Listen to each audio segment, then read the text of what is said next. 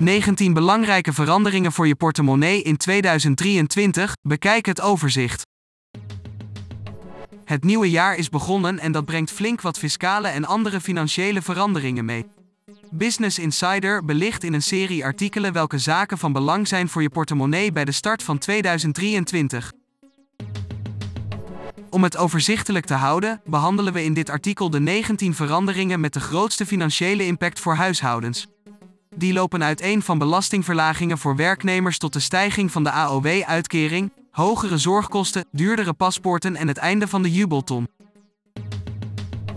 Bekijk het overzicht hieronder met handige verwijzingen voor wie meer verdieping zoekt. Het kabinet Rutte probeert in 2023 de koopkracht van huishoudens te ondersteunen. De torenhoge inflatie neemt immers een flinke hap uit de maandelijkse uitgaven voor onder meer energie en voeding. Het tarief in de eerste schijf van de inkomstenbelasting, die in 2023 loopt tot een inkomen van 73.071 euro, gaat omlaag naar 36,93 procent. Daarnaast is er fiscaal voordeel via de verhoging van een aantal heffingskortingen, waaronder de arbeidskorting voor werkenden. Dit zijn bedragen die je in mindering mag brengen op de te betalen belasting. De fiscale wijzigingen zorgen ervoor dat iemand die een modaal salaris van 3086 euro bruto per maand verdient, er in 2023 netto 91 euro per maand op vooruit gaat. Bekijk het overzicht van de gevolgen van de lagere belastingdruk op de netto lonen, loonstrookje in januari 2023. Dit krijg je er netto bij met salaris tussen de 1500 euro en 7500 euro per maand.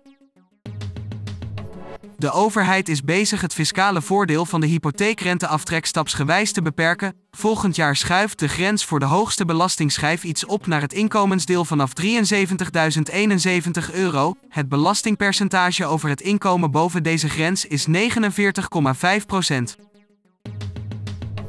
Heb je fiscaal aftrekbare kosten zoals betaalde hypotheekrente waarmee je het inkomen boven de 73.071 wilt verlagen, dan geldt daarvoor een lager percentage dan het belastingtarief.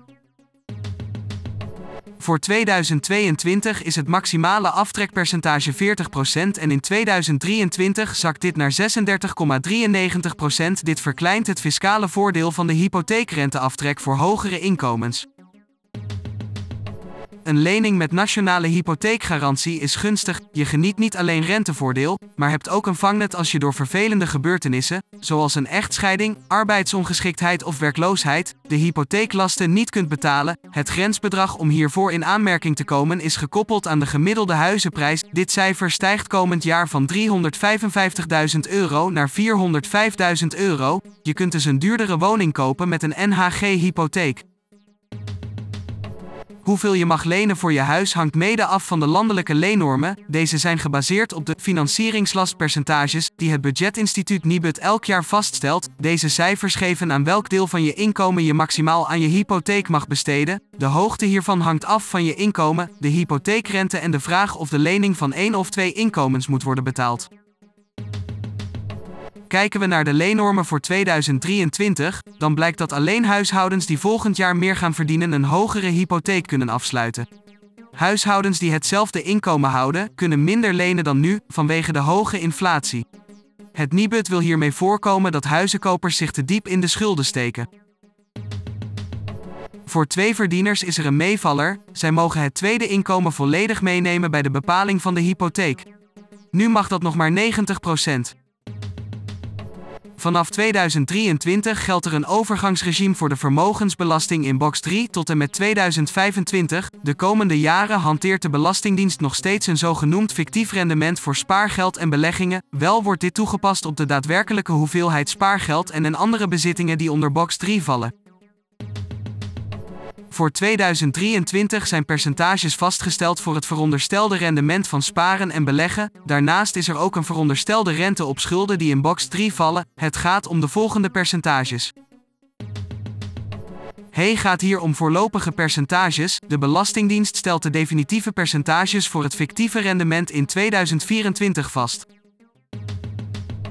De nieuwe manier van het berekenen van de te betalen belasting in box 3 is niet eenvoudig. Lees hier aan de hand van een uitgebreid voorbeeld hoe dit in zijn werk gaat.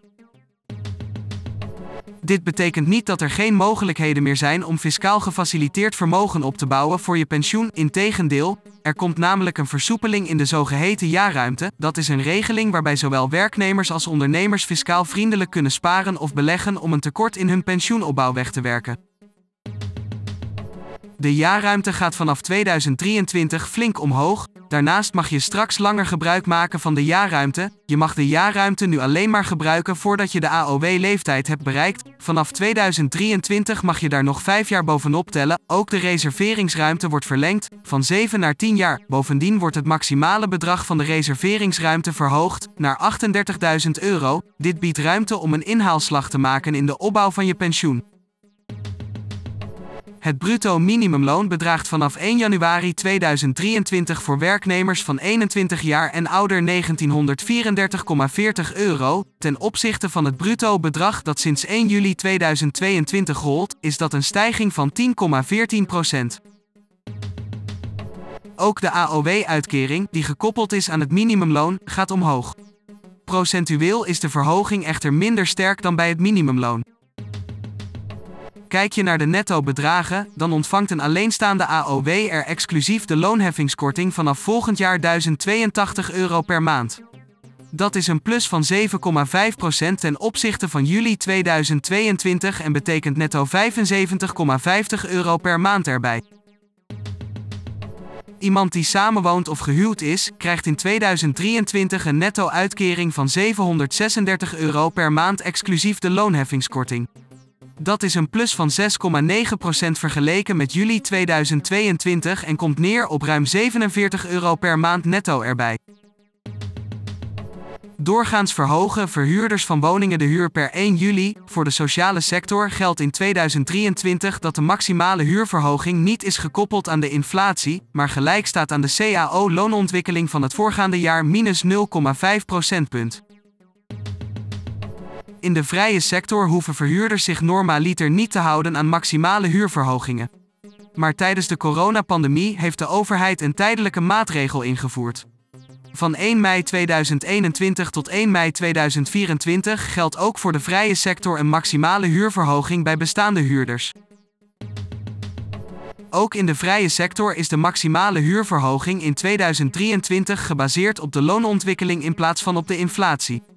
Er mag nog wel 1% bovenop komen. Huren in de vrije sector liggen boven de liberalisatiegrens van 763,42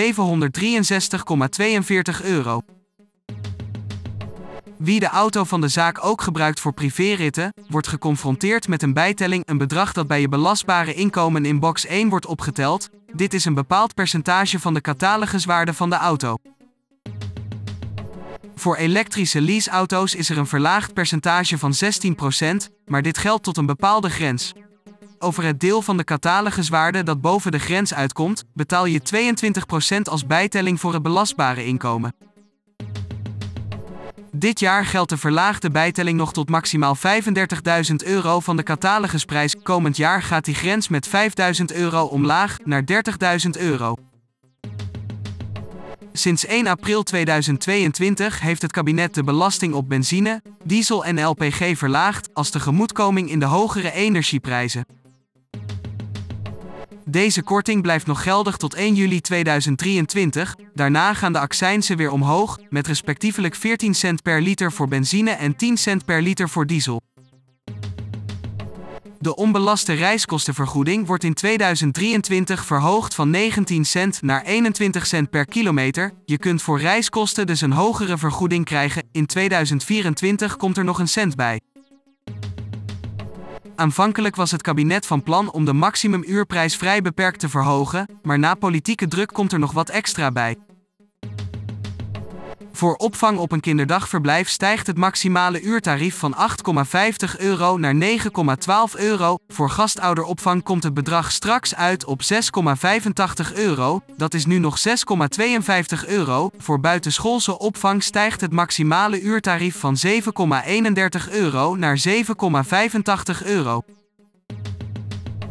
De vrijstellingen voor de schenkbelasting worden eveneens aangepast aan de inflatie. Deze indexatie is hoger 6,3%. Dit betekent dat ouders komend jaar 6.035 euro belastingvrij mogen schenken aan hun kind, dat is nu nog 5677 euro. Voor overige schenkingen geldt een vrijstelling van 2418 euro. Daarnaast mogen ouders aan hun kind tussen de 18 en 40 jaar eenmalig een hoger bedrag belastingvrij schenken, dat wordt komend jaar 28.947 euro. Er geldt ook een nog grotere eenmalige schenkingsvrijstelling van 106.671 euro als het geld wordt aangewend voor een eigen woning, maar dat belastingvoordeel ook wel de jubelton geheten gaat verdwijnen. In 2023 mag je nog een eenmalige belastingvrije schenking doen van maximaal 28.947 euro voor een koophuis. En in 2024 verdwijnt de vrijstelling helemaal. Voor de basisverzekering van de zorg ben je in 2023 gemiddeld 138,45 euro per maand kwijt. Dat is 10,19 euro meer dan nu, ofwel ruim 122 euro op jaarbasis. De gemiddelde jaarpremie bedraagt hiermee 1661,40 euro bij een standaard eigen risico van 385 euro. De bedragen lopen wel flink uiteen. Volgens Zorgwijzer bedraagt het verschil tussen de goedkoopste en duurste polis 402,60 euro op jaarbasis. Het loont dus de moeite om verzekeringen met elkaar te vergelijken. Er is keuze genoeg, want er worden 68 verschillende polissen aangeboden. Dit jaar kun je nog maximaal 5% korting krijgen op je zorgpremie als je een collectieve verzekering hebt afgesloten, via bijvoorbeeld je werkgever, sportclub of patiëntenvereniging. Bijna 60% van de Nederlanders maakt daar gebruik van. Helaas gaat die korting in 2023 verdwijnen, waardoor de premie van een basispolis voor iedereen gelijk wordt. De maximale kosten die gemeenten mogen rekenen voor paspoorten en ID-bewijzen gaan in 2023 omhoog. Vanaf 18 jaar geldt vanaf 1 januari een maximumtarief van 77,87 euro voor een nieuwe paspoort. Een nieuw identiteitsbewijs mag maximaal 70,38 euro kosten. Hiermee wordt een paspoort ruim 2 euro duurder en een ID-kaart kost iets minder dan 2 euro extra. De zelfstandige aftrek is een belangrijke aftrekpost voor ondernemers die onder de inkomstenbelasting in box 1 vallen, nog wel, want het kabinet bouwt de zelfstandige aftrek de komende jaren versneld af, in ruil voor een verhoging van de arbeidskorting. Doel hiervan is het verschil tussen zelfstandige ondernemers en werknemers bij de inkomstenbelasting te verkleinen. De zelfstandige aftrek gaat in 2023 met 1280 euro omlaag naar 5030 euro. Je gaat hierdoor als zelfstandige ondernemer per saldo meer belasting betalen. Het prijsplafond voor energie zorgt ervoor dat je in 2023 in principe maximaal 1,45 euro per kuub gas en 0,40 euro per kilowattuur stroom betaalt, tot een jaarverbruik van 1200 kuub gas en 2900 kilowattuur stroom. Als een huishouden met het energieverbruik boven de volumelimieten uitkomt, gaat de marktprijs van de energieleverancier gelden. Bij de volumegrenzen van het prijsplafond wordt echter niet gekeken naar het kalenderjaar 2023. Het draait vooral om het moment waarop de jaarafrekening voor individuele klanten wordt vastgesteld. Er is een richtlijn opgesteld voor een gemiddeld verbruik van gas en stroom voor elke dag van het jaar. In totaal telt dit in 365 dagen tot respectievelijk 1200 kub en 2900 kilowattuur. De energieleverancier hanteert twee pijldata, vanaf 1 januari tot het moment van de jaarrekening. En vervolgens de resterende periode vanaf de jaarrekening tot het eind van het jaar. Lees hier hoe de afrekening onder het prijsplafond voor energie precies in zijn werk gaat.